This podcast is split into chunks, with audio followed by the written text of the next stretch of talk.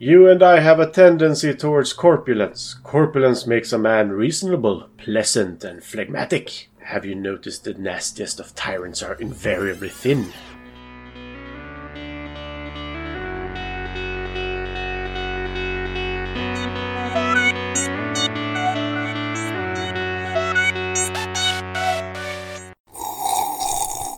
Känsliga lyssnare varnas. Det händer att vi spoilar filmerna ibland. Hur är det med er? Jo vars! Hopp om livet. Ja. Det är alla hjärtans dag när vi spelar in detta så vi har slängt ut Linda från det här avsnittet. Vi skulle inte ha det så mörkt. Fy fan. Men, men, men, men, manly, men, men, men, men, men. Manly man. Så idag ska vi prata om kvinnornas plats i samhället istället för att prata om film. Yes! Köket, Kvinnans säger plats jag. är i köket och i sängkammaren. Nej. Det, det... Varför sa du så där Ulf? Ja du Gustav. Det var en bra fråga. Du, ty- du tänker... eh, Jag tänker inte måla det här, ho- eh, jag tänker inte måla in med det här hörnet ännu mer och gräva gropen djupare. Gustav, du klipper så du kan göra hur djupt hål du vill. Ja, jag vet men det är ett helvete att klippa sig ur det också. Lägg och hål. Nej, nej, vi... Jag... Nej. Jag, alltså att försöka rädda en sån här situation blir alltid värre, så jag låter bli. Hur har ni firat alla hjärtans dag hörni? idag eller historiskt? Idag tänkte jag mest, jag vill inte veta era snuskiga historier. Har vaknat. Det var nog. Vaknat, ångrat mig, insåg mitt misstag, spelar in podd. Ja. Men! Men det är inte därför vi är här, vi är här för att vi är Film to the Fika med mig Gustav. Nej Ulf. Mig, Linda? Va? Nej, det är jag, Matti, men jag är ju så bra på att imitera Linda. Ja, du kan göra en Arnold-version av Linda om du vill. Nej, han var inte med i filmen. Nej, men han, han, kommer upp, eh, han kommer upp i en liten detalj idag ändå. Så att då kanske du kan få göra honom. Nice. Vi får se om The Muse takes him. If the muse takes it. Men vi är i alla fall här för att prata om en helt annan film. Är det vår äl... Det är inte den äldsta va? Det... Ja. Har vi haft någon som är äldre än denna? Jag tänker den som aldrig blev av. Nej, det var 64. Nej, det här... Ja, nej, det här måste vara den äldsta. Och vem har valt den, Gustav? Det är antagligen jag, i och med att det är ett historiskt gammalt drama så är det nog gamla geten Gustav som har valt. Så att säga, bä. Bäh. Och vi är då Spartkus från 1960. Inte den från 2010. Nej. Eh, nej, det är väl en tv-serie? Nej, det finns tydligen en film, filmversion också med Lucy Lawless. Ja, men Lucy Lawless som är i serien. Tv-serien har jag sett, den tyckte jag var underhållande. Jaha, är det, eh, okej. Den stod, eh, stod som film på IMDB, så my bad. Lucy Lawless, aged like a fine wine. Sina kallar vi henne för.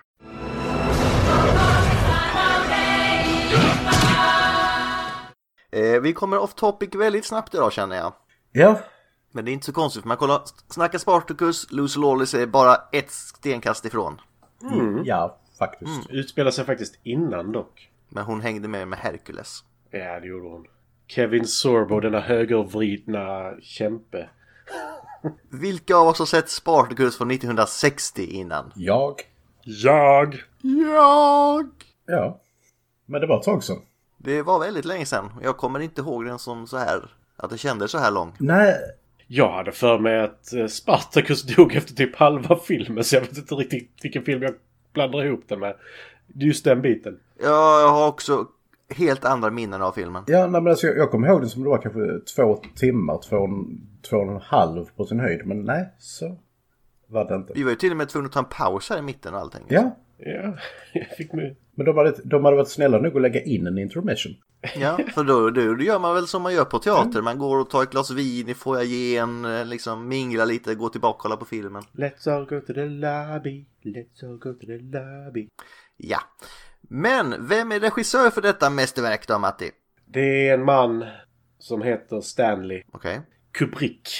Stanley Kubrick. Stanley Kubrick. Det heter han. Stanley Kubrick, ja. Stanley Eller hette.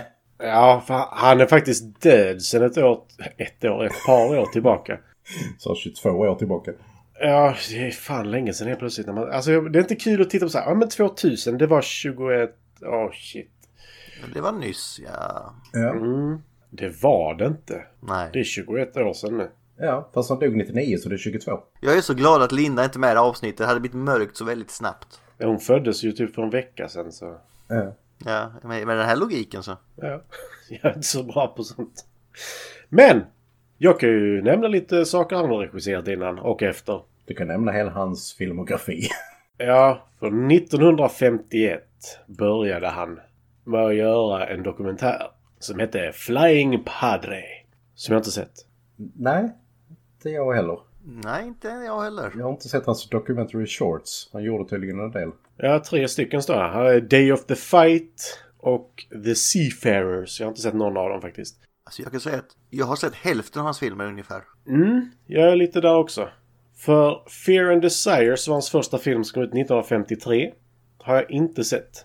Jag har heller inte sett Killers Kiss. Den har jag sett. Jag tror inte jag sett den. Jag ska kolla mer exakt. Nu, I have not seen that. Fruktansvärd framsida. Sen ska jag inte störa mig om jag har sett resten. Ja. Eh, The Killing har jag sett. Den är lite mysig. Vad heter den? Glory Road heter den va? Ärans väg! Path, to, Path of Glory. Eh, kolla där, en man med hakhål. Som är med i den. Hakhål. Mm. Kirk Douglas. Han har samma haka som Karl Alfred. Typ. Han har samma haka som Spartacus. Ja! Som, som var nästa film 1960. Och det är den film vi ska prata om idag. Men han har även gjort filmen Lolita. Är Spartacus med där? Nej, det är han inte. Men eh, det är en väldigt obekväm film, särskilt från denna regissören, så kan vi säga. Ja, och då är det ändå eh, mycket mer rumsren än boken. Ja. Åh fan! Men det var inte Stanley Kubrick. Sen gjorde han eh, en film som jag tror är på listan faktiskt. Dr. Strangelove eller Hur jag slutade ängslas och lärde mig att älska bomben som är den svenska titeln. Som är ungefär samma på engelska faktiskt. Sen en film, alltså helt ärligt, jag har försökt. Jag har sett den här en gång. Sen har jag försökt titta på den så här säkert tio gånger. Men jag kommer inte förbi den jävla apscenen i början. Samma här. Jag har försökt så många gånger. 2001, ett rymdäventyr. Blasphemy! Alltså jag kommer inte förbi den... Det, jag vet att bara, men ta mig igenom detta så är det fortfarande intressant. Men jag kommer inte förbi den. Jag är eh, i ren chock nu. Nej men alltså grejen är att jag vet att filmen är bra, men den scenen. Måste ju dock säga att fram tills dess är ju filmmusiken fantastisk. Det är ungefär det jag har reagerat på. Jo, jo, absolut. Men alltså jag bara... Det är någonting med den scenen som bara såhär, nej jag känner mig inte sugen längre. Ja, det är inte det. Det är mer att jag vet inte varför. Jag får annat i huvudet och hittar på någonting annat. Okej. Eh, It is the monkey side inside me that's take over. Ja, det är sant. Eh, I alla fall. 1971 så gör han Clockwork Orange. Vän i vita pungskydd och smink. Eh, Sen Barry Lyndon 1975, The Shining, som är på listan som jag tycker är underbar. Alltså inte förrän men typ fyra filmer är väl med på listan här. Ja, för jag tror även att Full Metal Jacket är med på listan. Ja, och rymdäventyret också med. Mm. Så då blir ni tvungna. Bara för att vi ska ta oss igenom den här jävla filmen. Ja, nej men alltså, det var ju därför jag och Gustav var överens om att lägga med den av just den anledningen. Så vi vill jättegärna se den. Men varje gång jag ser den scenen så bara... Nej. Alltså, jag kanske skulle diska eller vad fan. Det var länge sedan jag dammsög nu. Eller vänta, ska jag lära mig typ virka? Jag vet inte. Filister. Ja, men alltså, grejen, är- jag, jag vet ju att filmen är bra, det är inte det. Det är bara den scenen suger all must ur mig. Den, man kan säga att den suger apa. Men hans sista film han regisserade var 1999 som även var året han dog. Då får vi se Tom Cruise i någon konstig plastmask. Och man vet inte riktigt när sexet utspelar sig. Som i verkligheten. Ja. Why am I naked and sticky? Did I miss something fun? Men det är lite kort och gott eh, Stanley Kubrick. Jag är inte jättesugen på att gå in på hans privatliv om jag ska vara helt ärlig. Nej, nej, nej, nej, det, Det kan vi lämna därhen. det är fun, fact, fun facts, murder train. ja, vi kan klippa in Linda. Det finns en risk att vi kommer återbesöka Stanley Kubrick senare i den här podden. Så. Ja, och med tanke på att Linda inte ens ville prata under eh, Tango and Cash kan vi ju säga att Ja, det blir väldigt, väldigt obekvämt väldigt, väldigt snabbt. ja, Vi kan sammanfatta det med geni men ett jävla asshole. lite så. Brukar gå hand i hand ofta faktiskt. Eh, vi går vidare till skådespelarna hörni. Japp, Och vem är det som är Spartacus? det är korkan. Kirk Douglas. Som började med film 1946. Då han gjorde sin första film på inrådan av eh, Lauren Bacall som han studerade med. En gammal- annan klassisk skådis. skådis. Så hans första film var The Strange Love of Martha Ivers från 46. Han blev ganska snabbt ett stort namn i Hollywood. Han, mellan åren 49 till 56 så hade han tre Oscarsnomineringar. Först 49 för Champion, sen 52 för The Bad and the Beautiful och sen 56 för Lost for Life som han vann en Golden Globe för faktiskt. Han vann även, han fick, fick en Oscar till sist, en heders-Oscar 1995. Och är det någon som har förtjänat en heders-Oscar så är det, är det väl Kirk Douglas för att han eh, var väldigt socialt aktiv i Hollywood. Han eh, stod väldigt eh, starkt emot den här svartlistningen av ja, olika typer i Hollywood för att de skulle vara kommunister etc. etc. Eh, så han eh, stod gärna emot John Wayne och eh, Senator McCarthy. Och som vi kommer att se sen med Spartacus så räddade han även Dalton Trumbos karriär. Dalton Trumbo eh, som var en väldigt duktig manusförfattare som hade blivit svartlistad och som eh, Kirk Douglas var extremt, jag ska säga, he advocated for him. Eh, att han skulle få en eh, credit för Spartacus. Han hade jobbat med Stanley Kubrick innan i Path of Glory som vi har nämnt. Eh, 1957. 1960 då så gjorde han Spartacus. Och som en liten fun Kirk Douglas fact. 1979 så gjorde han den första film jag såg med honom faktiskt. Som är en sån riktig blipp på hans radar egentligen. Men jag känner att jag måste ta upp den.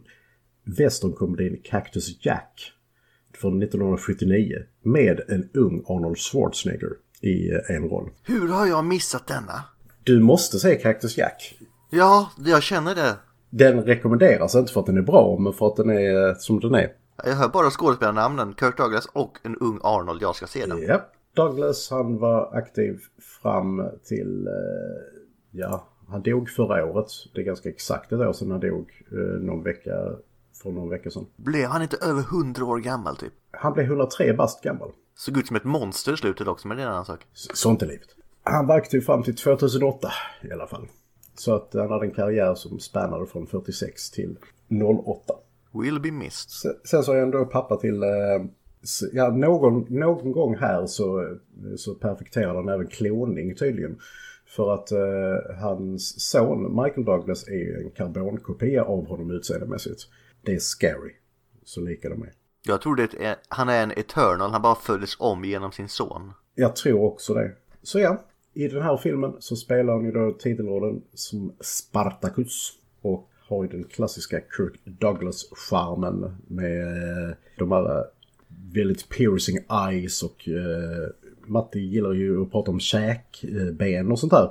Och eh, hans käkar, det, de skojar man inte bort, Kirk Douglas käkar. Kan bryta ben. De kan bryta ben. Snälla, läs upp vad det står. Hans beskrivning på IMDB är fantastisk. Hans beskrivning på IMDB?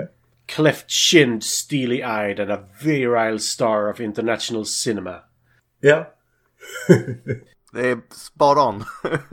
Däremot så hittar jag, jag hittar ju två eh, helt fantastiska quotes från honom. Som eh, första är, är rätt rumsren, bara så. I made a career playing sons of bitches. Väldigt nice. Och sen det andra som bara fick mig att skratta bara.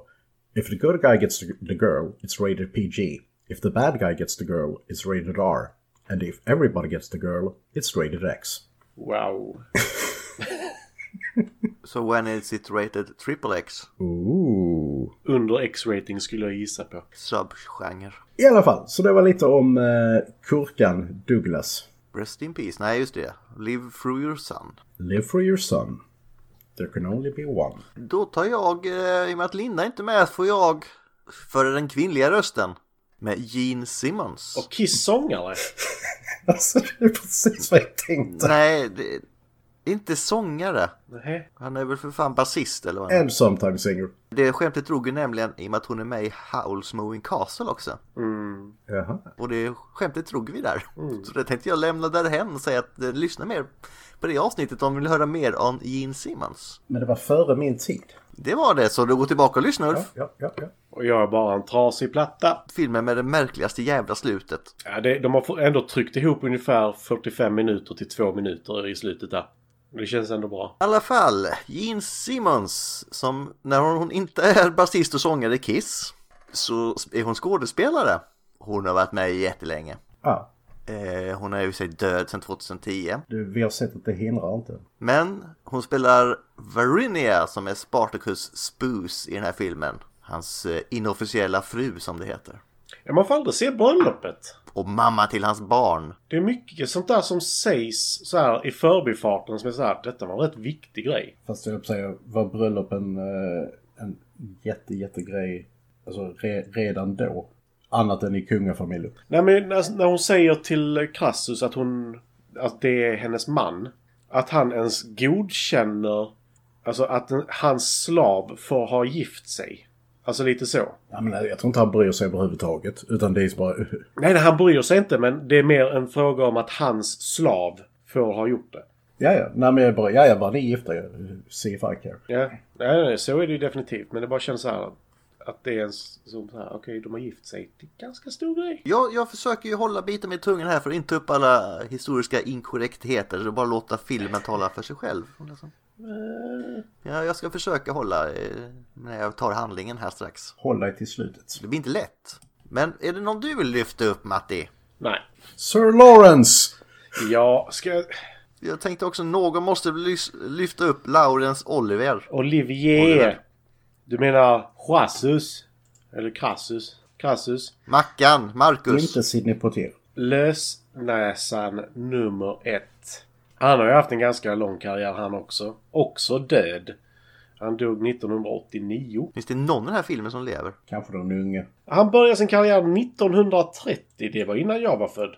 Eh, I kortfilmen eh, Too Many Crooks där han spelade The Man. Ja, när han spelar Lady X skilsmässa där spelar han Everard Logan. Han har rätt coola namn i och för sig. Så här Captain Ivan Ignatov, Vincent Lunardi, Tony McVeigh, eh, Maxim de Winter, Mr Darcy, En man för Elisabeth. Där har vi någonting fint ju. Något fint. Det lät fruktansvärt tråkigt. Ja, nej men så här, Han har varit med i Hamlet, Henry V. Nej, Men alltså, han har varit med i lite allt möjligt. Alltså både eh, filmat, te- vad ska man säga, filmatisering av teaterpjäser och lite sådana grejer. Kort sagt kan vi säga att han är en av de främsta Shakespeare-tolkarna under 1900-talet. Typ. Verkligen. Han var ju med i Spartacus 1960. Varför eh, har ingen sagt det? Förlåt, jag skulle sagt det. Ja, han spelar Crassus där. Denna gigant som kanske har hjälpt Julius Caesar. Kanske, kanske inte. Kanske. Sen var man ju Otello efter det så fortsatte vi lite på den grejen. Uncle Vanya. Wow. Han var lite the Meryl Streep of his time. 11 Oscarsnomineringar. Två vinster. Vann han någon? Två. Dock inte som skådespelare, utan som regissör. En off topic här, förlåt. Vem är det som har vunnit mest Oscar i Oscarhistorien? Alltså, som, det är en jättesvår fråga för att eh, om det är... Nej, förlåt. Jag trodde du kunde det bara. Jo, nej men alltså det är liksom så här, eh, om det är costume designers som vi räknar med eller om det är... eh, Nej, alltså nu... Antal Oscars. Jag tänkte främst skådespelare nu, men... Ja, då är det Catherine Hepburn som eh, vann eh, fyra stycken. Han spelar professor Abraham Van Helsing i Dracula. Helsing! Bästa uttalet någonsin. Ja. Han spelar Zeus i Gudarnas krig, King Lear i King Lear. Eller den svenska titeln Kung Lear. Det vilda gässen 2 spelar han Rudolf Hess i. Inte den karaktär jag trodde skulle vara med i Det vilda gässen 2. Nej men du vet, Hes yes. Det är ju så. Hess yes, det rimmar, det är rätt och ja. Du var du som satte mig på detta Gustav. Skyll dig själv. Han är även med i The Ebony Tower som är en tv-film från 1984. Han gjorde även eh, en hel generation tandläkarrädda i Maratonmannen. Åh, det var länge sedan. Bara, Is it safe? 1976. En bro för mycket är han också med i. Oj, oj, oj. Jag kan fylla i där med att den som vunnit flest Oscars överhuvudtaget är en väldigt känd person. Walt Disney. 26 Oscars. Makes sense. Fast är det han som har vunnit eller är det studion då? Alltså, eftersom han har verkat som producent till alla filmerna medan han fortfarande levde. Ja, i och för sig. Så, ja. Var det 28 medan han levde? Eh, 26 medan han levde, varav fyra som var honorary awards. Eh, ja. Still? Still kinda good. Pretty, pretty good. Disney ruled the world. Nej men det var extremt rörigt lite Laurence Olivier. Yeah. Och Crassus, vem är det? Crassus är mannen som tar över hela den romerska legionen och ser till att den stackars helt oskyldiga Spartacus blir korsfäst. Bland annat, han han korsfäster typ alla överlevande slavarna så, eh, i filmen. Han korsfäster Sparkutus och vill ta hans kvinna. Ja, alltså...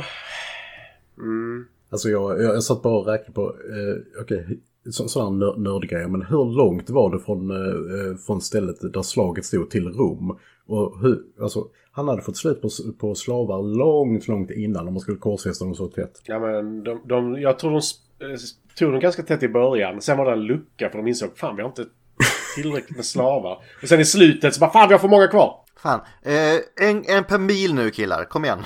Ja, lite så. Ja, ja men jag tror det var lite så. Så bara, Det är skitsvårt att räkna ut. Bara, ja, men det är 16 mil, alla vägar bär till Rom. Vilken ska vi ta? Nej, det... det jag förstår att det var svårt för dem. Och vad fan fick de ta- tag på allt träet som de hade med sig? Och... De högg ner en massa bokar. Nej. Oh. No. Fick vi in den också? Bra. Ska jag ta lite om filmens handling hörni? Kör hårt. Gör du det? Jag tänkte jag kör och så säger jag konstpaus och så rycker ni in med om ni vill ta något från den biten av filmen. Ska bara sitta och mysa. Ja, det behöver vi kanske inte göra. Händerna på täcket hörni. Under det första århundradet före Kristus har den romerska republiken glidit in i korruptionsträsket. Deras meniala arbete utförs av slitandet från slavar. Och en av dessa är en stolt och begåvad Frasian eller Frej, Frak ja, uttalspodden, som heter Spartacus och är så pass osamarbetsvillig i sin position i en av gruvgroparna där han eh, slavar genom att han döms till döden genom att svältas ihjäl. Av en slump visas han för den romerska affärsmannen Lentulus Spartiatus som imponerad av hans kämpaglöd köper Spartacus för sin gla- gladiatorskola där han instruerar tränaren Marcellus att inte överdriva sin indoktrinering eftersom han tycker att han har kvalitet. Spartacus alltså. Och han hade fel. Mitt i träningen bildar Spartacus ett tyst förhållande med den kvinnliga slaven som heter Varinia som han vägrar att våldta när hon skickas för att underhålla honom. Spartacus och Varinia tvingas därefter att uthärda många förödmjukelser för att trotsa villkoren för slaveri. Vägrar våldta? Ja. Ja, men vad ska vi kalla det då? Nej, alltså jag... I'm not an animal! I'm a free man! Ja, de skickar ju in Varinia där för att ta Spartacus oskuld och så står de och tittar och skrattar åt honom i ett hål i, i taket. Jag, jag undrar bara varför, varför just honom? Varför tittar de just på honom när han ska ha sex? Ja, men han har ju... De, de är väl intresserade här att han inte har legat med någon innan. Är det en del av ansökningen till att bli slav? Har du tidigare haft sex? Är du ren?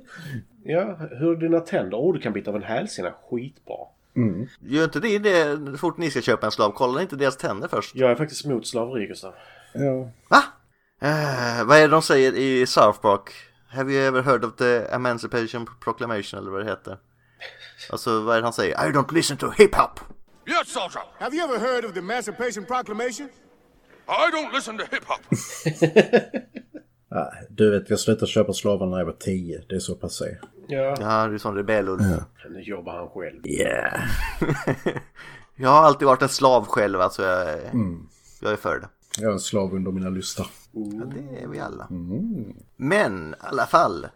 Batiatus får besök av den oerhört rika romerska senatorn Marcus Lincinius Crassus som syftar till att bli diktator för den eh, romerska republiken. Crassus köper Varinia på ett infall för att han tycker att hon är snygg antar jag. Och för att roa hans kamrater ordnas ett att Spartacus och tre av hans eh, fellow gladiatorvänner ska slåss till döds som en bröllopsgåva till en av Crassus kompisar.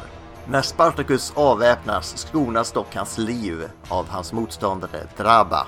Spartacus överlever på detta sätt och det, detta var mordorder för det skulle vara till döds. Så alla börjar buva och Drabar blir sur och i ett ja, ren ilska attackerar han de här romerska gästerna men blir dödad av en arenavakt och av Crassus.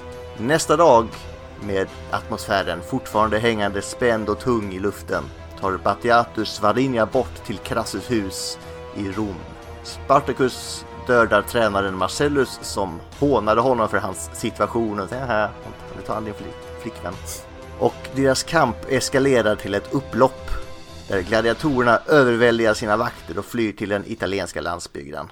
Frisyrerna! Vad fan! Var det det du tänkte på?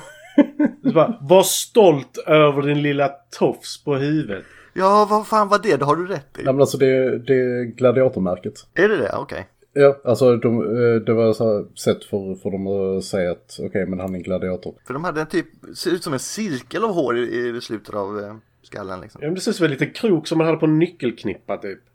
En sån hade jag aldrig kunnat göra. Nej, jag vill inte. Sen så brännmärker de ju dem också så det är liksom bara så. Det är lite så här eh, bara överkurs känns det som. Men, Ja, det, jag tycker det är förödmjukande. alltså du, du tar hellre brännmärkningen än tofsen menar du? Definitivt. Ja, det hade jag gjort. Uh, Vad heter det? Vad heter det? Branding är ju inne då och då.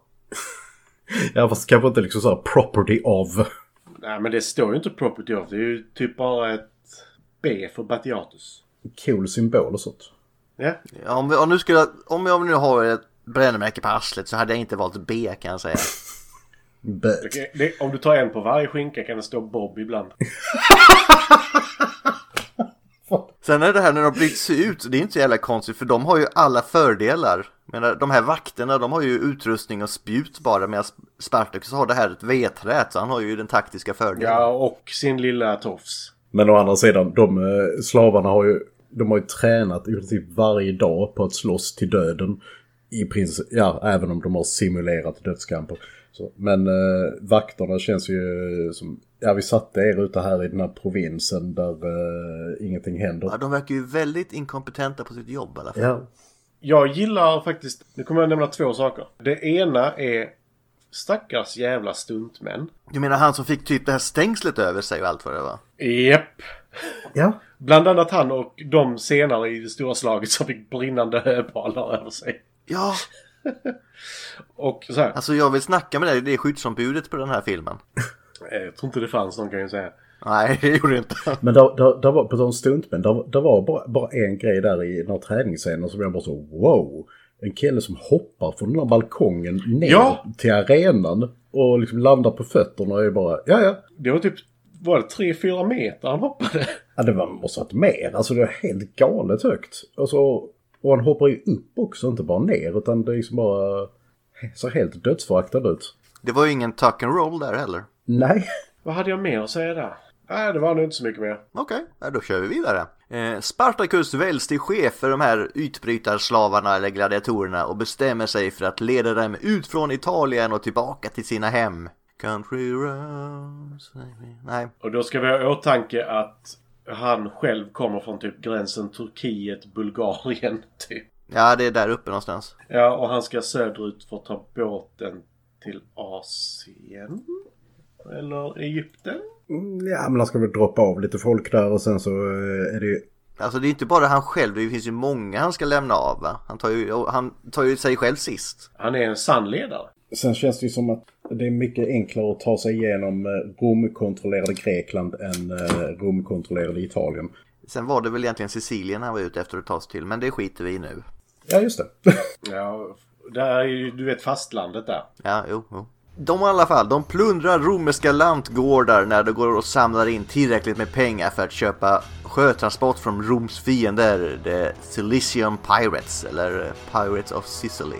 Otaliga s- andra slavar går med i deras grupp och de bildar nu en slags armé, vilket gör dem till ett stort hot då för de, den romerska senaten. En av de nyanlända är Varinia. Ooh. Som flydde medan hon skulle levereras eh, till Crassus av eh, Patiat. Batiatus. Hon kunde ju fly i och med att Batiatus var så fet. Hon inte kunde springa efter. Den dialogen var väldigt konstig. När hon började skratta och han var så tjock så jag kunde springa ifrån honom. Och han bara ha ha ha, så tjock han är. Det finns många dialoger mellan de två som är väldigt märkliga. En annan av slavunderhållare är slavunderhållaren som heter Antonius.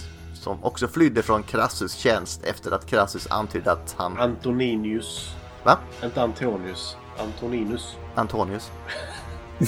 Antoninus, som också flydde från Crassus tjänst efter att Crassus antydde att han förväntade sig att Antoninus skulle bli hans sexslav. Och det kunde han inte acceptera. Men den scenen var ju inte med i eh, originalutgåvan. Men jag såg det, jag har sett de här extra scenerna Ja. också. Det kan Matti också ha gjort för han fick låna min DVD. Nej, men eh, eftersom de kunde inte antyda att det fanns homosexuella i Rom. Nej, nej, det, för, för det var ju bara i Grekland man var det på den tiden. Ja, precis. Men eh, den... eh, Men Grekland var väl i och för sig nästan en del av Rom. Ja, det var en romersk provins-ish. Men eh, den scenen den blev ju återinsatt när de restaurerade den sen 91. Eh, Och vem gjorde rösten till Crassus? Anthony Hopkins! Nice. Fun fact 1 borta. Privat känner sig Spartacus mentalt otillräcklig på grund av sina bristande utbildningar under åren av slaveri. Han tvivlar på sig själv lite. Men han visar sig vara en utmärkt ledare och organiserar sina olika anhängare i en tuff och självförsörjande gemenskap. Varinia, nu hans informella fru, blir gravid med Spartacus då. Och han kommer också att betrakta den livfulla Antoninus som en slags son. Han spräckte ett ägg i hans ansikte. Just det. Men den enda, jo men han var den enda som fick ett ägg, de andra fick ju jävla fågel. De fick ett, en fågel i ett ägg. Alltså vi har ju inte tagit upp Tony Curtis, vilket vi kanske borde ha gjort egentligen. Men eh, han spelar ju Antoninus. Han utseendemässigt passar inte i den här världen. Han och senare Julius Caesar är så malplacerade för de ser ut som att de kommer från nutid nästan. Eh, Jag håller med om eh, Curtis, men jag håller inte med om John Gavin, alltså Julius Caesar. För att eh, jag känner att han ska vara lite den där, eh, alltså, larger than life.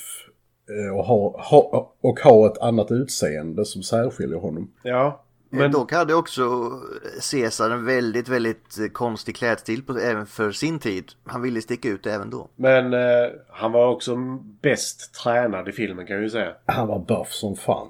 Eh, Det var han. till skillnad från de som har slavat hela sitt liv. Det går tillbaka till den här eh, diskussionen vi hade om, om Arnold och hjulet. Bara, Det måste vara jävla mycket protein i deras kost. Kan det vara så att Caesar var också vad han mjölnade innan han blev senator? Det kan vara så.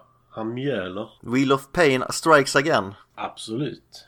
Nej, för eh, jag tycker utseendemässigt så visst, han ska ju sticka ut lite. Men det blir också så skevt för att i denna så är Julius Caesar ingen stor roll. Så det blir, du lägger märke till honom jätteväl. Men han, han är ju en roll som är... Han är ju faktiskt passiv i denna filmen. Alltså han skulle ju ha en mycket större roll vad det tänkt från början. Så att det är möjligt att de gjorde castingen och sen så bara, ja ja men whatever. Oj, oj. Men jag gillar att han sticker ut på det, för det är ju en så pass stor historisk karaktär så man ska väl stanna upp lite. Oj, det var han ja. Mm. Ja, men det blir så konstigt för det blir liksom som att se... Uh, fan ska jag ta? Du ser Neo i bakgrunden på typ... fan ska vi ta? Bill and Ted. Nej, det blir konstigt. Eh, Die Hard. Att han liksom dyker upp i bakgrunden och skjuter några skott och sen går iväg. Så bara, aha. Men vad, vad händer nu? Så bara, ja, men det kanske är The Matrix, vem vet? Nej, jag gillade hur det var upplagt faktiskt. Jag har inga problem med det. Nej, nej, alltså jag säger inte att det är dåligt. Jag säger bara att han stack ut väldigt mycket som karaktär för att vara en så liten karaktär. Det är det jag menar. Ja, det kan jag väl hålla med om. Sen så om det var bra eller inte, det kan vi ju diskutera. Men ja. Ja, ja, nej, men alltså, Julius Caesar är ju historiskt sett den största karaktären här skulle jag nästan säga. Men i filmen så är han inte så stor karaktär. det är svårt att slå Julius Caesars historiska betydelse liksom. Det. Det är ju lite så. Faktiskt. Det är svårt att slå både han och Spartacus i och för sig. Ja. Nog om det! Låt oss komma vidare i filmen för den är lång. Ja, vi är ju kanske 2% in i filmen nu. Ja, men sen är det ganska mycket dödtid också. Skojar du? Jag höll på att säga, vi, vi är s- är snart mot slutet här. Det är bara det eh, vi har mer att diskutera sen. Ja. Exakt. Den romerska senaten blir allt mer orolig när Spartacus besegrar de många arméer som de skickar mot honom. Han piskar dem alla. Crassus, populistiska motståndare Gracchus, vet att hans rival kommer att försöka använda krisen som ett rättfärdigande för att ta kontroll över romerska armén, eller arméerna. För att försöka förhindra detta kanaliserar Gracchus så mycket militär makt som möjligt i händerna på sin protege, en ung senator vid namn Julius Caesar. Hört det namnet förut någon gång kanske? Även om Caesar saknar Gracchus förakt mot Roms lägre klasser så missar Gracchus Caesars eh, hårda syn på överheten i Rom när Gracchus avslöjar att han har mutat The Cilician Pirates för att få Spartacus ut ur Italien och befria Rom från slavarmén så betraktar Caesar en sådan taktik som under honom och går över till Gracchus, Crassus sida. Det är mycket Gracchus Crassus nu. Så. Bickus, stickus. Biggest sticks. Ja, nej men... eh, det är väl ungefär vad som händer. Alltså, Vi har ju hoppat över biten där Crassus har bett sin, vad blir det, inte styvson men det var något sånt konstigt förhållande. Eh, att han skulle ta sex stycken cohorts. eh, cohorts, jag vet inte stora. Ja, men det, jag, jag tog det till att de skickar arméer mot Spartacus. Jag drog ner det så. Ja, nej, men för där kom ju biten att han skämmer ju ut Crassus. Fan vad det är svårt att komma ihåg vem som vem här nu. Han skämmer ju ut Crassus genom att han misslyckas med att döda Spartacus och Spartacus rider in och tar hela hans bas utan att han har gjort några förstärkningar. För att det var ju bara slavar han slogs mot. Shame. Ja. Shame. Det är så jävla dumt. Som bara, vadå, men du befäste väl lägret bara? Alltså det var mörkt och så va, så att... eh, Vi var trötta och... Mm. Nej men alltså han skämmer ju ut eh, Crassus där och Crassus bara nej. Eh, fuck this shit, I'm out. Jag ska bli civil. Eh, jag kommer inte komma tillbaka. Och sen, för han är ju min vän så jag, liksom, jag skäms över hans misslyckande. För det var jag som tilldelade honom den där rollen. Och så går han ut och blir civil. Men sen så kommer han ju tillbaka lite senare. Så vi kom, Gustav kommer komma till nu tror jag. Men alltså där, där är en jävligt bra scen för övrigt. Eh, Alltså just med när han går ut och liksom eh, gör hela det här bara. bara ja, nej jag ska bli civil och Gracchus direkt bara. Alltså det är bara en ploj. Det är bara en ploj det här. Ja men han har ju inte fel. nej, han har inte fel men alltså sättet som han presenterade på och direkt liksom bara identifierat vad fan Crassus gör. Ja, men han, han är ju en av de få som faktiskt vet om vad det är som händer. För det är ju så jävla svårt att tycka om Gracchus genom hela filmen, tycker jag nästan. Det är bara för hans eh, lust till kvinnor du tycker det. Han har dem i alla shapes and sizes. Nej, det är för att han ser ut som... Eh, åh, vad heter han? Bosnäs. En viss likhet fet, finns det. Han är nästan lika fet som Batiatus. Han är fetare än Basiasus. Ja, Basiasus. Ja, det är han. Men alltså jag har så svårt att tycka om den karaktären. För han, jag vet inte, han, bes- han beter sig väldigt slemmigt. Men det visar sig också att han är ju inte den slemmigaste karaktären. Men han gör rollen på ett så slemmigt sätt. Alltså, det är inte många i den här filmens karaktärer som jag tycker om. så Alltså. Nej, nej, det, det är ju inte det. Men om man ser till vad som görs av honom. Alltså att hans faktiska mål och hur han beter sig när det inte går som han vill. Så är han ju faktiskt inte den värsta karaktären om man säger så. Alltså långt ifrån. Nej, det är han ju inte. Nej, för, Det är ju- för det sista han gör är liksom, ja men... Ja, det, vi kan ju ta det sen i slutet.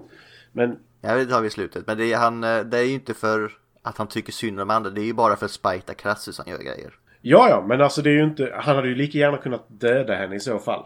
Han är ju lika, ja, jo, men han är ju lika ego som alla andra. Men han tycker om att jävlas med folk också. Jo, men han hade ju i princip lika gärna bara så här, gå in och döda henne kontra det han gjorde. Ja, men det, ja, vi, vi kommer dit. Ja. Go! För Crassus har ju här upptäckt att de vad Gracchus plan är så Crassus använder sina egna mutor för att få piraterna att istället överge Spartacus och låter den romerska armén i hemlighet tvinga rebellerna bort från kusten och mot Rom. Under panik att Spartacus ska plundra staden så ger senaten Crassus absolut makt, dictatorship. Nu omringad av romare övertygar Spartacus sina män att vi ska dö i strid här. Vi ska stå och falla här. För bara genom att göra aktionen uppror och bevisa sig mänskliga säger han att de har slagit ett hårt slag mot slaveriet. I den efterföljande striden, efter att först ha brutit Crassus legioner, så hamnar slavarmén fast mellan Crassus och två andra styrkor som rycker bakifrån, så de är omringade, slavarna, och de flesta massakreras. Och därefter försöker romarna hitta rebellledaren för att särskilt bestraffa honom. Och det är då Spartacus vi pratar om. Genom att erbjuda benådning och då återgå till slaveri istället för att dö om männen kommer att identifiera Spartacus, levande eller död. Varje överlevande man svarar med att ropa Det är jag som är Spartacus! Det är jag som är Spartacus. Det är jag som är Spartacus. Jag är Spartacus! I'm Brian and so is my wife. Ja, bra. Som ett resultat dödar Crassus dem alla genom att korsfästa dem längs den eh, appiska vägen mellan Rom och Capua där upproret då började. Ja, Det gör han. det gör han. Det gör han. Eh, sen har vi mycket frågor på antalet där och längden på vägen, men det är en annan sak. Ja, men det är en ikonisk scen, alltså eh, I'm Spartacus. Eh, Den kan ju i princip alla utan att egentligen ha sett den. det är den som man kommer ihåg. Det enda jag har att säga egentligen där, det är det här stora slaget. Hur många människor dog på riktigt under det slaget? För det så fan men inte organiserat ut. Nej, men det, slavarna var väl inte organiserade så mycket. Roms kanske borde varit Nej, men jag organiserade. tänker, de, de som sprang först med de här brinnande höhjulen. Det, det var inte som så att när du ser dem komma springande. Vid ett tillfälle så ser du att han kommer springa i, ett- i en rak linje och den efterföljande höbalen kommer träffa honom. Ja, offra sig för det goda. Nej men det var- jag bara så här. Det slaget där, där kände jag mycket så här. Ett, där var ingen säkerhetsansvarig för djuren. Definitivt inte. Och två, troligtvis ingen för människorna heller. Men de hade ju åtminstone inte en brinnande gris där. Nej, de hade inte en brinnande gris. Eh, De, Vil- Vilket är min favorithistoria eh, historia om, om romersk krigsföring, krigföring. Att de satte ut brinnande grisar på slagfältet för att skrämma fiendernas kavalleri. det funkar ju. ja, men det är så jävla elakt. Ja, ja. Men det är fortfarande inte lika hårt som vi var här i Norden va? Med den här jävla kon de hade. De hade någon, eh, någon kung som hade en ko som var så fruktansvärd så han kom ut och råmade på slagfältet så alla andra flydde och dog. Okej, den har jag missat. Det är så jävla hårt. Nej, vänta. De har en ko. Spring!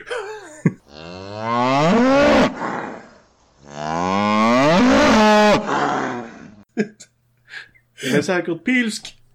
Alltså, har du blivit ja- om du har blivit jagad av en ko någon gång så eh, ja. Jo, Ja, det är, inte, det är nog ingen kul upplevelse. dock Alltså, nej. har jag inte haft spjut med mig när jag blivit jagad av en ko.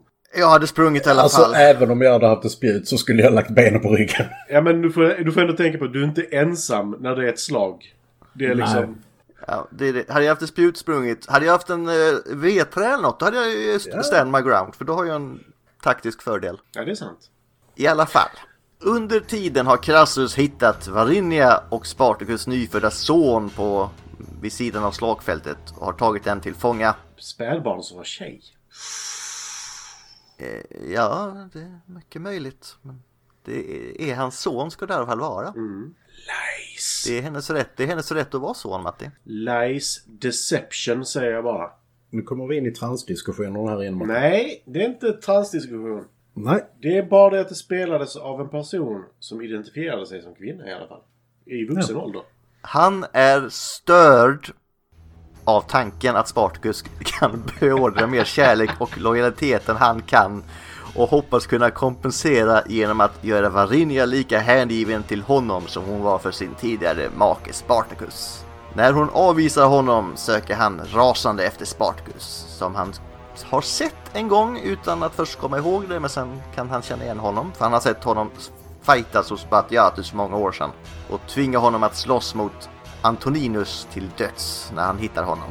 Den överlevande ska korsfästas tillsammans med de andra männen som fångats efter den stora striden. Spartacus dödar Antoninus för att skona honom detta fruktansvärda öde.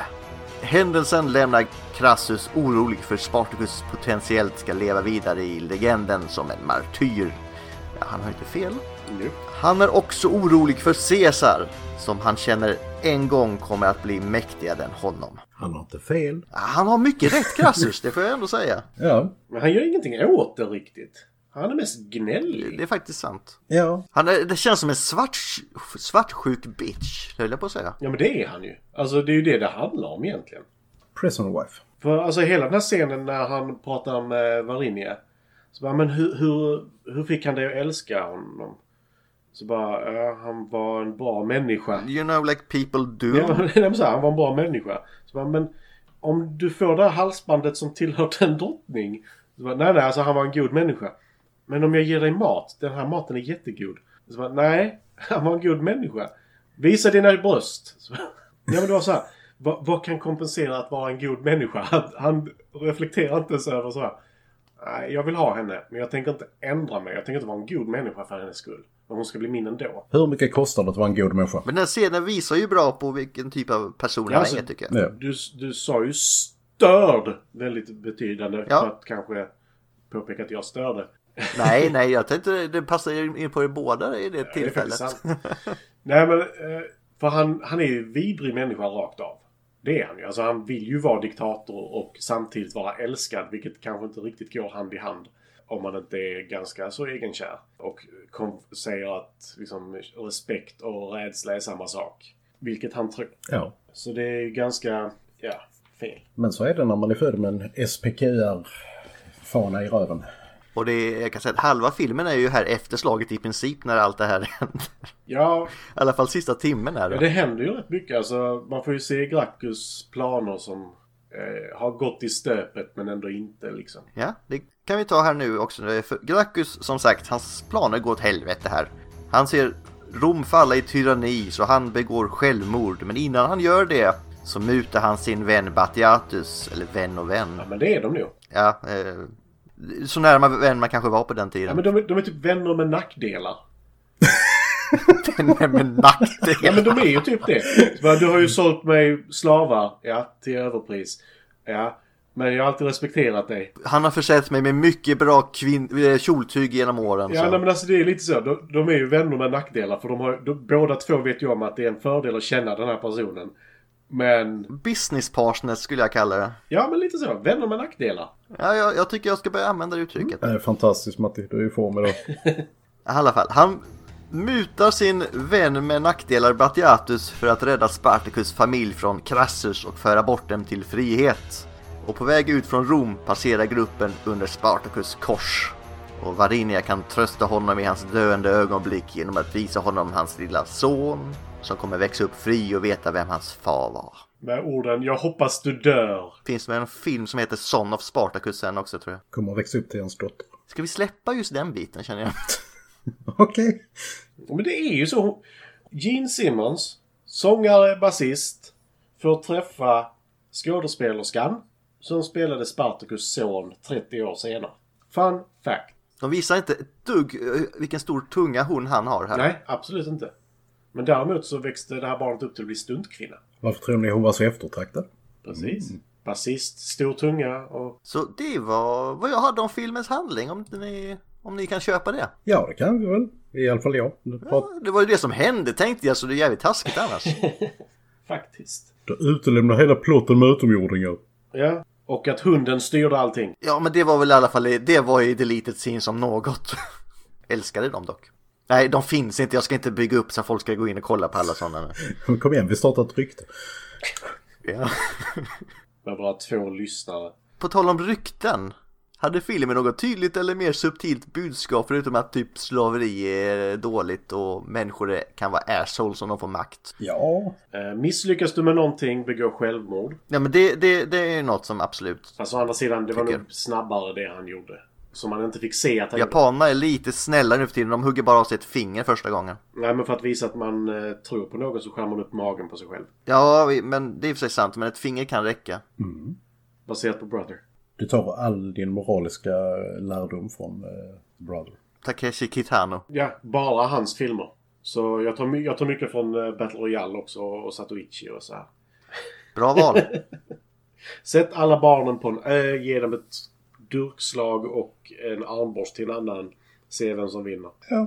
As you do.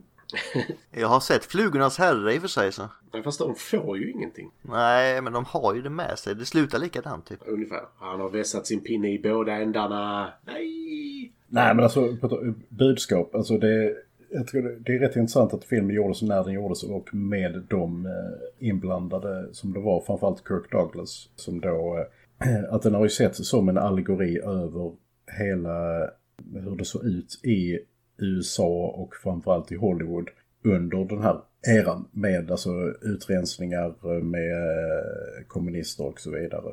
Och den blev också anklagad för att vara väldigt prokommunistisk, den här filmen. Sen så... eh, och Man kan ju se det i viss mån, alltså just att det är alltså slavupproret, proletärerna tar, tar makten ungefär.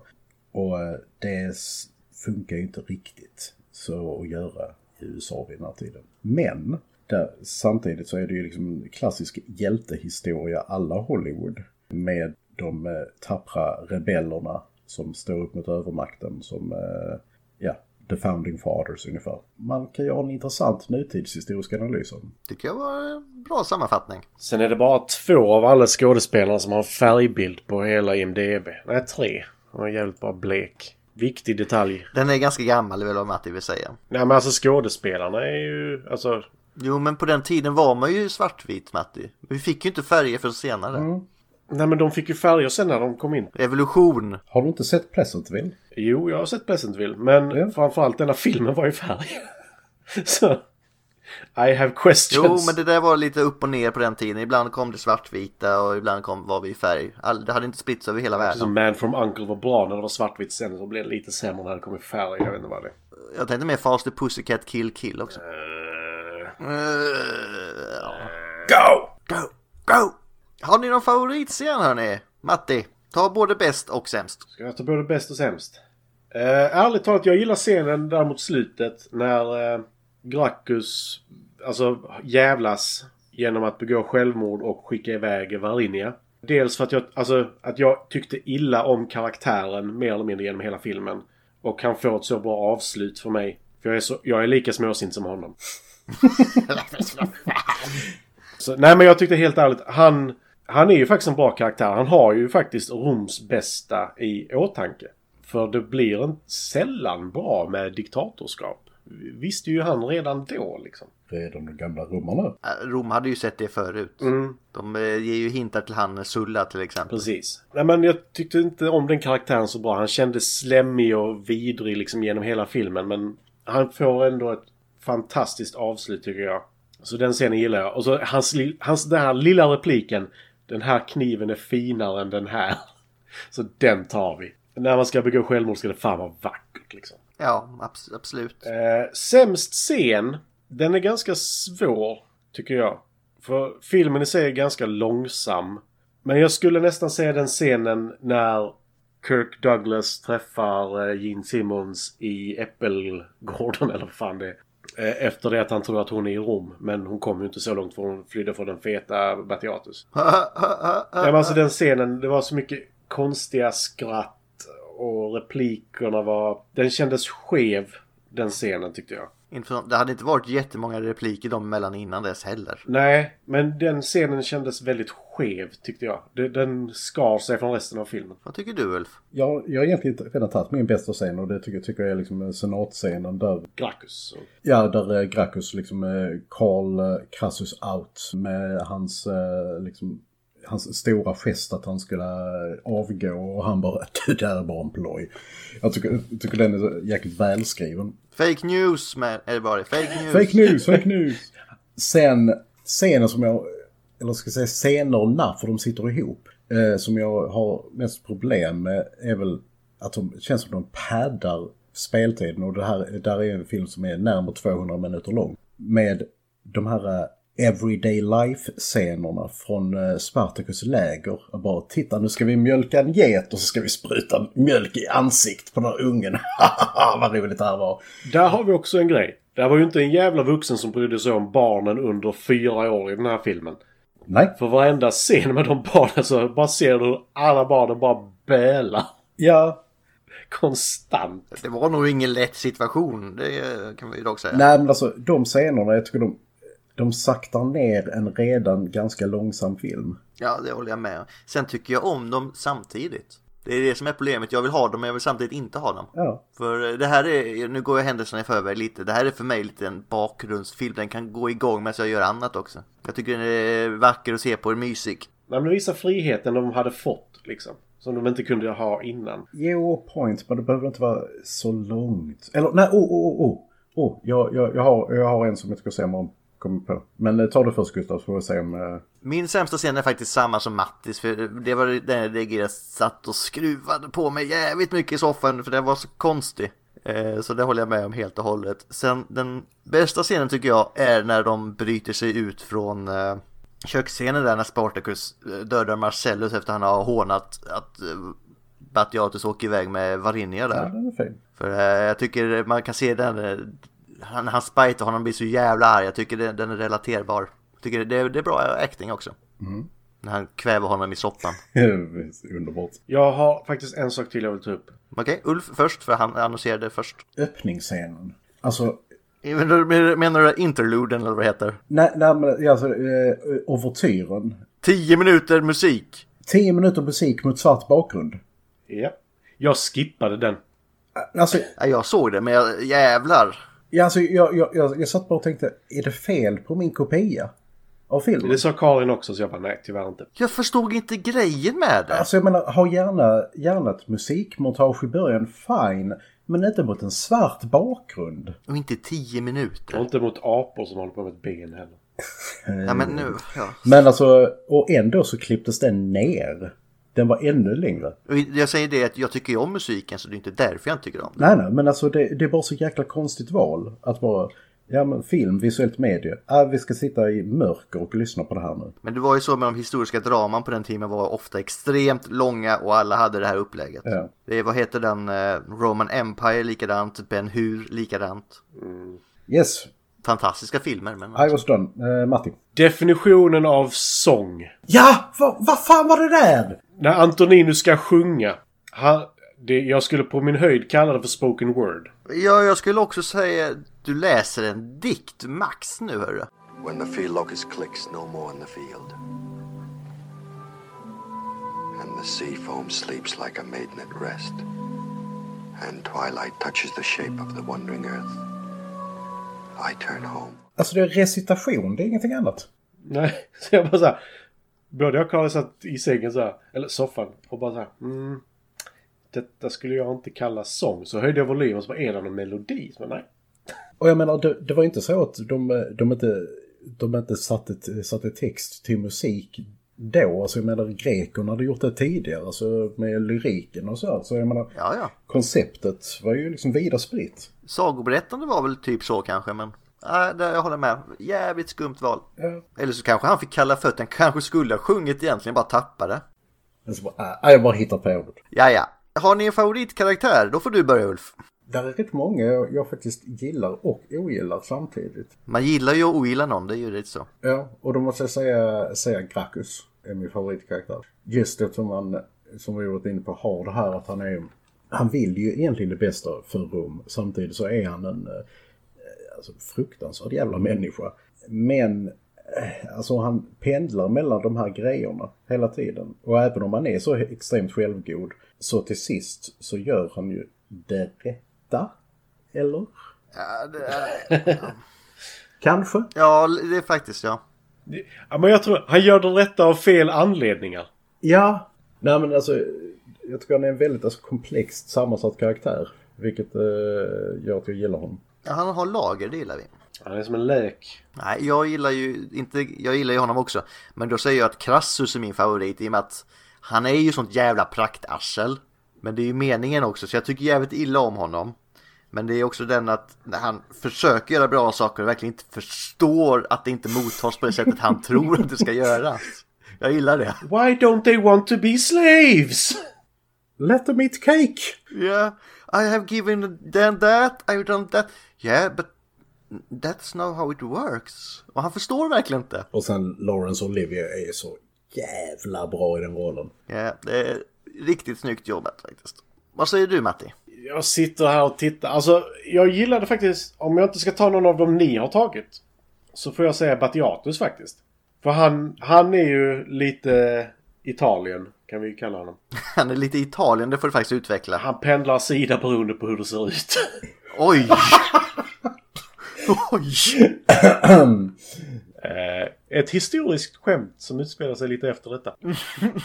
En smula. Han är ju sådär, åh shit nu kommer Crassus, vi gömmer Gracchus. Och sen så eh, Gracchus, hans liksom ändå bundsförvant på riktigt. Men han känns lite som, han, Batiatus känns lite som Gracchus light. Jo, men han, jag tycker han gör rollen bra också. Ja, ja. Eh, Det är det, det är mest det det handlar om. För ha- han, han vill ju vara alla till lags, men han är en sån lismare. Alltså det är bara alla, all hans dialog är så bara åh det är du, du har gjort detta, detta och detta och det är du, du är den som är född av den som är...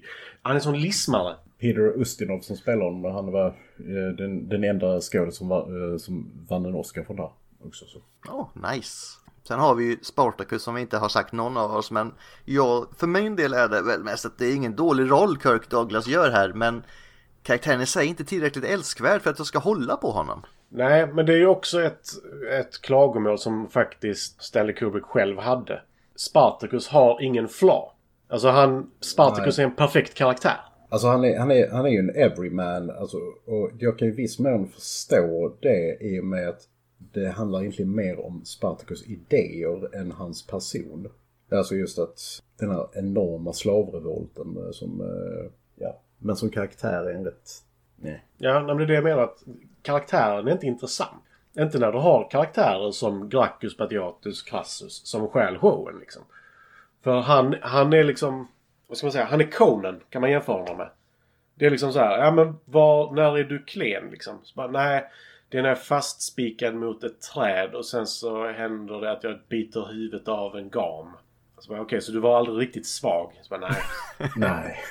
Jag vill inte vara så. Nej men det känns lite så att de vill inte... Spartacus skulle vara den perfekta mannen liksom. Det, det gör att han inte blir den bästa karaktären. Nej. It hits too close to home att vara den perfekta mannen här. No. Nej, okej. It's hard to be humble when you're perfect in every way. Exakt. Vi går vidare. Var filmen bra hörni? Ulf, var den bra? Ja, det tycker jag. Jag tycker den... eh, Liksom handling, skådespelare, soundtrack, etc. Jag tycker att den håller fortfarande väldigt bra. Jag skulle, jag skulle klippt om den om det hade varit idag. Jag skulle kortat den kanske en halvtimme. Samtidigt så har den ju det här väldigt svulstiga historiska så- som jag gillar. Men exempelvis ouvertyren och så här skulle jag liksom tagit bort. Men alltså, jag tycker att även om den är, den är väldigt lång, ja. Men jag var aldrig uttråkad. Och det är, det är liksom talande för att men många av de här historiska dramerna de får jag ofta ta i, eh, i omgångar. Att eh, det är liksom bara, ja okej, jag, na- jag vet att det här är bra eh, filmkonst etc. etc. Men it just drags on and on. Men jag känner inte det med Spartacus. Likadant så eh, tycker jag liksom fotot, även det är Oscars belönat för övrigt, är, eh, är sjukt snyggt. Den har ju liksom den här gamla, gamla Hollywood traditionen av att använda eh, hur många statister var det? Jag tror det var 10 000 statister allt som allt. 10 500 tror jag det var till och med. Ja, precis. Så att scenerna är extremt maffiga. Och det är ju verkligen en all-star cast också. Alltså, man kan inte hitta en dålig skådis bland dem. Så att Ja, för den tiden var det ju All Stars. Ja, alltså absolut. Nej, så att jag tycker den är fortfarande håller och att det är, det är en bra film. Ingenting jag kanske liksom, eh, så här, sätter igång en när jag är trött en fredagkväll. Men eh, den, den har ju definitivt sin plats och eh, jag tycker att framförallt att det märks att det är en Kubrick-film. För att även när den är långsam så är den jävligt sevärd. Jag håller med på de flesta punkter där. Historiskt, en historisk klassiker. Det är väl lite så. Jävligt snygg. Lite lång kanske som sagt. Dra, dra ner den lite granna. Men jag vill ju inte ta bort scenerna heller för de är så jävla snygga och de ger, den, ger den, lill- den där lilla extra. Så jag, jag tycker filmen är bra. Det gör jag. Och soundtracket är jättebra också. Matti. Jag tycker den är väldigt bra. Men som sagt, den är ganska långsam. Och det är väl det där. Jag skulle inte rekommendera den till vem som helst, om man säger så. Men jag tycker fortfarande den är väldigt bra. Soundtracket, det är bra, men jag är också väldigt trött på bara stråkar. Eh, efter tre timmar. Mm, du vill ha en fagott lite då och då. Ja, men lite blås. En snigel. En snigel och lite ostron. Nej men... Den... Det är väldigt... s- Inte skränigt för det är fortfarande vacker musik men det är... Det är så pipigt på något sätt. Det finns liksom ingenting mäktigt på det sättet. Det är... Alltså det känns som de inte riktigt har kunnat remastera den. Alltså på något sätt. Alltså det känns som, alltså kopian jag såg, det var en helt fantastiskt vacker remasterad Blu-ray-kopia från 2005. Men ljudet fortfarande, Mm, ja, men de har väl problem med ljudet liksom. Ja. Det, Ja, Vissa saker såg man ju var dubbat också. Så. Ja, nej, men f- för mig så handlar det om att det, musiken är för 60-tal, om man säger så. Jag tycker att du- det, du kan ha ett annat instrument än ett stråkinstrument när du gör musik till en film. Alltså det, dessutom med tanke på liksom att han, eh, kompositören hade tydligen så här grävt fram, eh, som kom till Fun Facts, alltså sen tidstypiska instrument. Alltså som man hade liksom researchat och byggt och haft sig och sen så det mesta som hörs är stråkar. Det är bara, bara tack. Nej, men det blir lite tråkigt sådär. För det är så bara, de tar upp så jävla bra exempel för musiken i filmen egentligen. När du går ut ur staden gör du inte ur ur pompa och ståt, inte ens en trumma. Och det känns lite så. Det ska inte finnas ens en trumma i musiken. Utan det ska vara stråka. Och det, jag tycker det, det känns lite som att titta på ett romantiskt, alltså vi snackar eh, borta med vinden. Där hade musiken passat jättebra liksom. Precis vad jag satt och tänkte på. Det är faktiskt exakt den titeln. Men när du säger det. Nej, men alltså, musiken hade passat jättebra där, men här hade jag velat ha någonting mer. För mig så är det liksom ett blåsinstrument, alltså typ trumpeter eller något sånt här under slagen. Alltså någonting mer. Alltid finns det mer att önska men jag tyckte det var helt okej ändå. Men men, Japp. vi vet att Matti hatar stråkar så vi går vidare.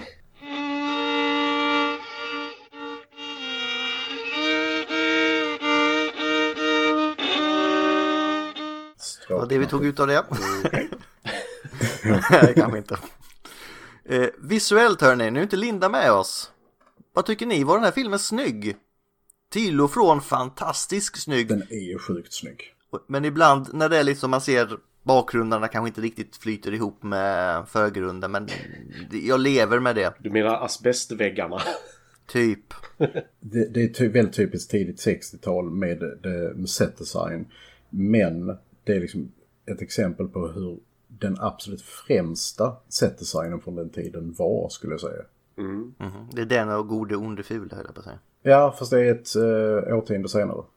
Ja, men eh, som sagt de har samma nivå. Ja, lite, lite grann. Jag gillar ju utseendet på eh, Crassus vita rustning. Den såg riktigt fet ut. Alltså jag bara sa- satt och funderade på det. Hur jävla mycket tid de måste ha lagt på costume designen i den här filmen. Och den, den vann också en Oscar. Bara det säger ju en hel del om filmen var snygg eller inte. ja. Nej men alltså som sagt, eh, senaten och... Vad var det? Grack... Nej, Crassus hem. Ser helt fantastisk ut. Sen resten är ju... Som sagt, de byggde fan upp ett jävla tältläger ut med motorväg och sådana grejer liksom. Så... Men det är ju det här, eh, de har gjort det på riktigt så det åldras ju väl. Mm. Sen, sen kan jag ju säga att fight och stuntscenerna kanske inte var det absolut bästa jag har sett va, men Både och skulle jag säga. Alltså fightscenerna, det, de, de är inte så här jättehyperspektakulära, jada jada. Men de har en realism till sig som jag uppskattar. Alltså just att det är inte de här fancy pansy moves utan det är liksom, okej här ska du hugga eh, för, för liksom clean kill. Och det, det är verkligen liksom bara två slag och sen så ligger de nere. Det är inte det här eh, bara, ja nu ska jag göra fem volter. Alltså nej men alltså, ni förstår vad jag menar. Det, det, är inte, det är inte överdrivet. det är inte Neymar alltså. Nej. Eh, ja, vi, vi går nog vidare där för vi har inte Linda med oss som kan rädda upp denna situationen. Linda. Linda, Linda. Ska vi gå in på lite eh, fun facts tänkte jag nu. Och då brukar Ulf få inleda, Då kan du få göra det igen? Får jag det? Ja, jag är snäll idag. Missbruka inte det här förtroendet nu. Ska säga, vi har ju redan, redan tagit upp en, eh, en hel del när vi har pratat här va. Exempelvis där med... Jag tycker för fortfarande det är kul att Anthony Hopkins dubbade eh, Laurence Olivier när de eh, gjorde restaura- ra- restaurationen. För de skulle sätta in den här scenen eh, där det antyds hom- homosexualitet igen. Och så jag tycker sättet de gör det på är väldigt, väldigt snyggt för övrigt. För att de hade ju den här Code of Conduct och allt sånt här i Hollywood back in the day. Och det gjorde ju att man fick göra väldigt kreativa omskrivningar. Exempelvis, i, som i den här filmen då, att Crassus frågar eh, Antonius Antoninus, va? Ja, då liksom, vad, vad föredrar du? Bara, Do you prefer oysters or snails? Just det, Stanley Kubrick var ju omöjlig att arbeta med och det kan ju fler under hans karriär attest om. Men alltså exempelvis så eh, fotografen eh, Russell Matty, han gick helt enkelt iväg från inspelningen för att han bara, nej jag pallar inte med eh, Stanley Kubrick längre. För att Kubrick själv, han var ju också en eh, var ju också filmfotograf och han hade extremt eh, så här, specifika directions med. Och så, Exakt så här ska det vara! Så eh, de kom ju inte riktigt överens. Likadant så kom man inte överens med Kirk Douglas heller. För att de hade samarbetat väldigt bra under Path of Glory då, tre år tidigare. Men där hände någonting sen under de tre åren som gjorde Kubrick till en riktig bastard. Jag kan ta upp hela den eh, grejen för det. Eh, Alltså att Douglas och Kubrick de bråkade ju konstant liksom. Ja. Och Kirk Douglas hade ju fått re- den tidigare regissören eh, Anthony Mann. Hette han va? Nej. Jo, man tror jag det var. Ja. Eh, hade fått honom sparkad. Ja, För att han tyckte att han var för mesig. Eh, och så fick de in Kubrick istället. Och Douglas ångrade sig så pass mycket. att han liksom bara såhär. Eh, jag vill inte göra mer med honom. Men eh, jag tar gärna in Man som en regissör till eh, vet du, Hjältarna från Telemarken. ja. Som en ursäkt liksom. Där har vi en annan, eh, annan bra Kirk Douglas-film på övrigt. Nej men just det här bara så här. Jag ångrar mitt beslut så jävla mycket. I regret this now. No regrets. Han hade precis. regards. Jävlar i Yeah, det. many regrets. Sen så gick den ju långt över budget. Du hade någon kul fakta du skrev om det då. Vad fan var det? Ja, som, eh, som vanligt när det, gäller, eh, när det gäller Kubricks filmer. Men det jag fick lära mig igår, att varför det står så olika med hur mycket en film har tjänat på olika ställen. Att de är bara i USA räknar exempelvis domestic box office och inte liksom international box office. Och fram till på sent 80-tal, tidigt 90-tal så ljög filmstudiorna röven av sig om hur mycket deras filmer tjänade. För att om de, eh, produ- om de publicerade de korrekta resultaten så började de betala högre premie till skådespelarna. Om de då hade en, eh, ett kontrakt som sa att de fick procent på eh, filmens intäkter. Exempelvis, som det exemplet jag hittade igår, var Star, Tre- Star Trek 2, The Wrath of Khan. Som Paramount sa, vi, den gick back 7 miljoner dollar. Och sen så kom det in en redovisningsfirma för att eh, skådespelarna trodde inte på, på Paramount. Och sa, jaha, men den gick ju plus 27 miljoner dollar. Eh, ja. så, ja. Alltså finns jättemycket trivia runt, eh, runt den här filmen. Men jag tycker det sista jag, jag tar innan jag lämnar över här är att Stanley Kubrick tyckte att I'm Spartacus-scenen var, var en jäkla dum idé. Det var en löjlig den här scenen. Så, ja. Han hade fel. Han hade fel. Alltså jag sitter och tittar på IMDBs box office-uppgifter på den här filmen nu. Så här, budget 12 miljoner dollar. Opening weekend USA 92 162 dollar. Nope. Eh, och gross USA 1 830 650 dollar. Och cumulative worldwide 1 844 917 dollar. They lied their asses off. På Wikipedia står det 12 miljoner i budget. Box office 60 miljoner. Ja, som ni, som ni märker, det är, det är så extrema skillnader.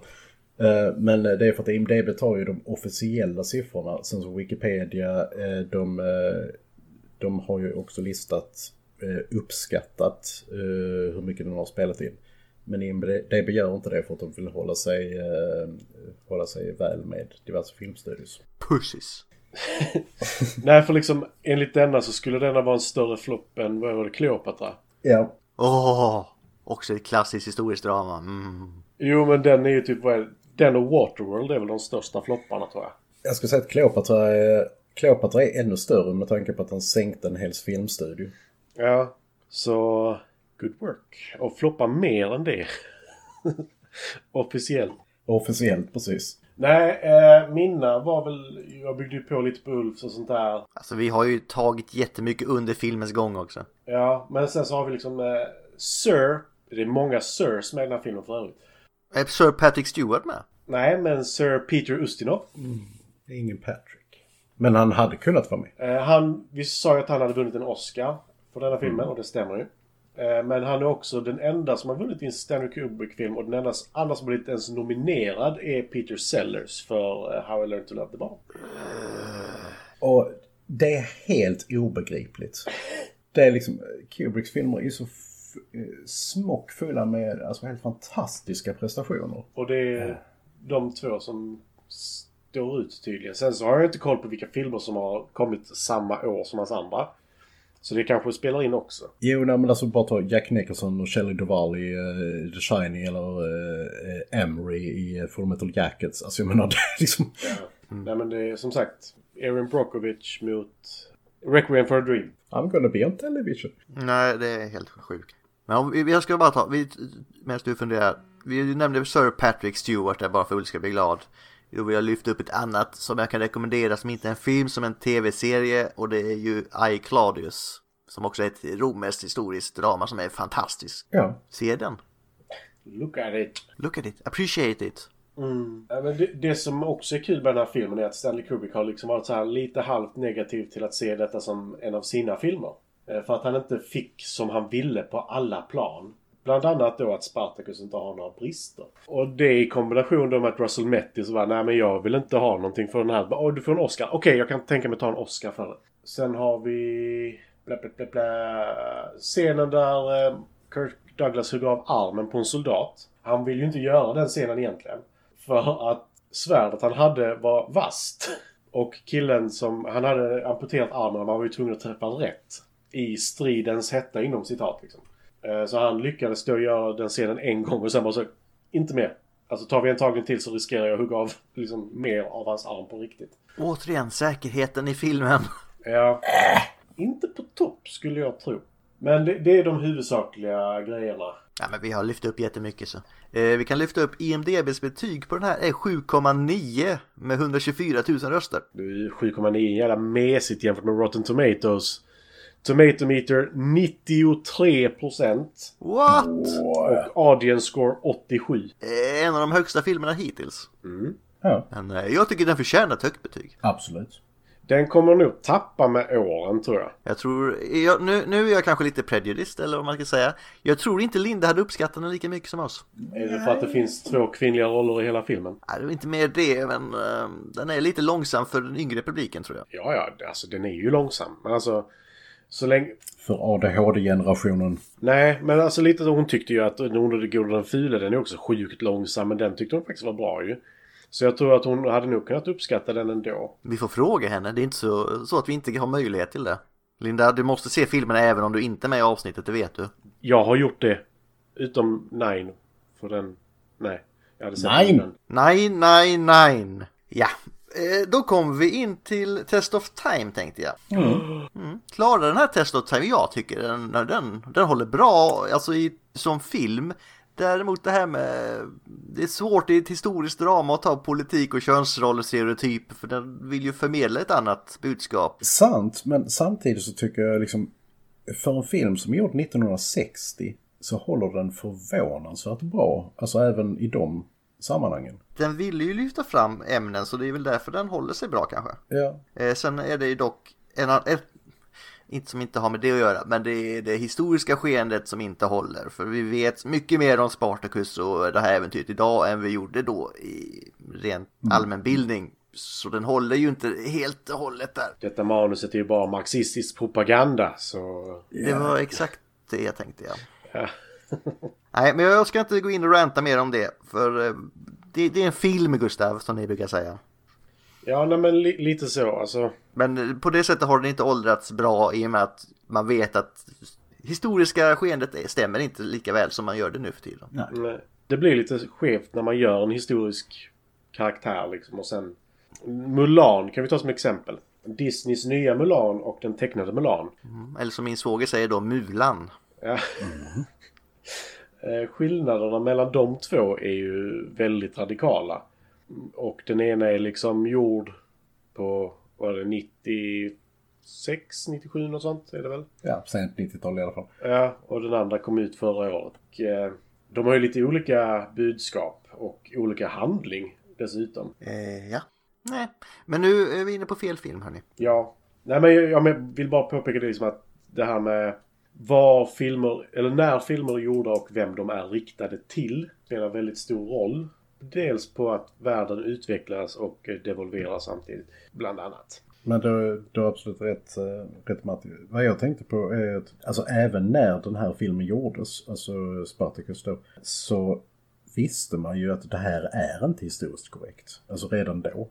Alltså man hade ju liksom eh, exempelvis eh, det här med var de olika slagen stod, vilket gjorde att Spartacus egentligen hade kunnat ta sig ut från romarriket Oh, ja. sådana saker. Så att man visste ju redan då att det här är inte historiskt korrekt men det passar ju liksom inte. Eller att han var född som slav i Rom stämmer ju inte heller. Nej. Så det passar ju inte riktigt dramaturgin bara. Men det, ja, vi går- det var en film, okej? Ja. Jag, har, jag, vill inte, jag kan hålla på i timmar om detta nämligen, så jag, jag försöker Ja. lägga band på mig. Men det finns ju liksom eh, exempel som är mycket, mycket värre i filmhistorien och, så, och sentidare exempel också. Exempelvis Braveheart är ju min riktiga sån här... eh, bara, no, stop. You're Ja, killing det- eh, it. Så länge man håller den som en film så håller den fortfarande. Analysera inte den. Nej. Men eh, ja, Test of Time, jag tycker fortfarande den håller bra. Ja. Den är långsam, men den är bra. Eh, nu kommer jag slå ihop två punkter till ett här när vi två blir en. Och jag Mm. kommer inleda. Rekommenderar vi den till andra och kommer vi se den igen? Jag säger eh, ja och ja, men jag kommer vara som alla andra filmer egentligen restriktiv med vem jag rekommenderar den till. Jag kan väl bara säga dito. Jag skulle rekommendera den till eh, folk över 35. Alltså jag vet ju att när jag rekommenderar den till undra så kommer de sitta med mobilen i halva filmen. Ja, men lite så. Alltså, Jesper! Och så kommer de fråga Vad hände? Ja. Jag får återberätta här. Ja, men de, eh, det var under tiden här som mjölkar de en ko. Jaha. Snyggt. Nej, kanske inte. nej men jag... Det är väl svårt att inte hålla med om den. Alltså, detta är ju verkligen en film som jag inte skulle så här... Eh, typ mina brorsöner och så här. Se den, ni kommer ha skitkul. Alltså, den är...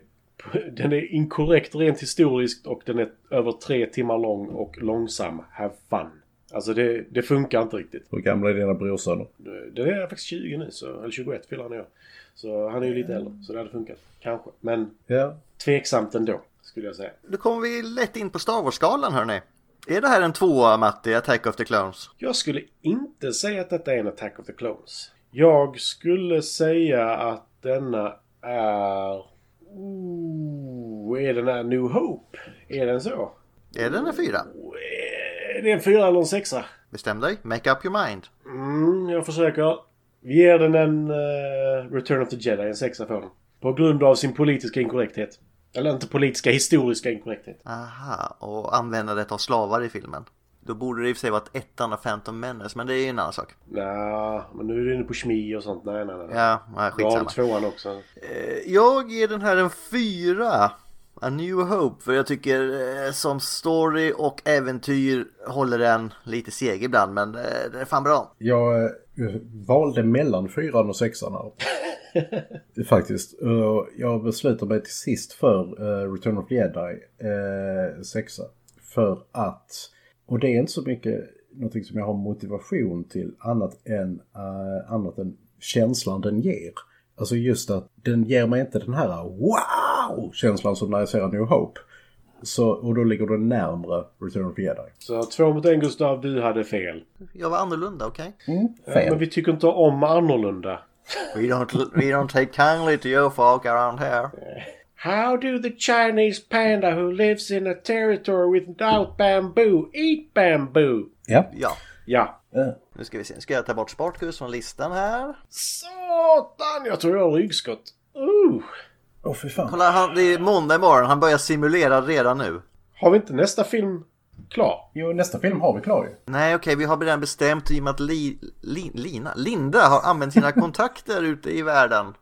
Så kommer vi göra vårt första internationella avsnitt. Alla talar engelska. They are men. Vad var det jag intervjuade en annan nu i vår andra podd? Och det låter ju fan i mig som det Swedish Chef eller vad han heter. Men var ska vi se nästa gång då? Maximum. Overdrive! Och vem ska besöka oss? Ja, det är ju han. Maximum Overdrive ägarhuvudet, höll jag på att säga. Har han ett namn mer än Maximum Overdrive-ägarhuvudet? Mannen som köpte huvudlastbilen ifrån eh, filmen Maximum Overdrive från 1986.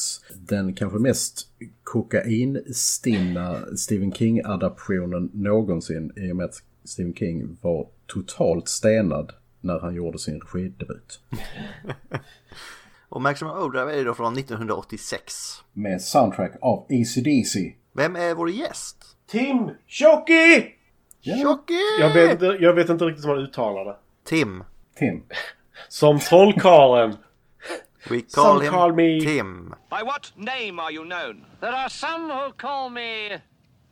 Tim? Tiny Tim. Om, och, om ni vill säga något riktigt kul fram tills dess så eh, gå in på YouTube och kolla trailern eh, till Maximum Overdrive. Där en så fruktansvärt eh, hög Stephen King eh, sitter och pratar om om man vill ha någonting rätt så måste man göra det själv. Okej, men vi, nu är vi nästan inne på lite quotes här, så jag tänkte vi ska köra Linda-quoten, men vi killar får rycka in här. Och jag tänker att vi kanske alla tänker på samma quote som vi måste hjälpas åt. Ja, då kan jag, kan jag börja med att säga att I'm Spartacus! I'm Spartacus! You and I have a tendency towards corpulence. Corpulence makes a man reasonable, pleasant, and phlegmatic. Have you noticed the nastiest of tyrants are invariably thin? I'm Spartacus. Way to screw us. oh my god! Okej, ja, ja, vi köper det. ja. Men jag, jag vill i alla fall avsluta här med att säga att jag är Spartacus. ja, det kan du ju tro. Men tack för idag hörni! Ja, tack för idag. Tack för idag. I'm Spartacus! I'm Spartacus. I'm Spartacus! I'm Spartacus! I'm Spartacus! I'm Spartacus! I'm Spartacus! I'm Spartacus! I'm Spartacus!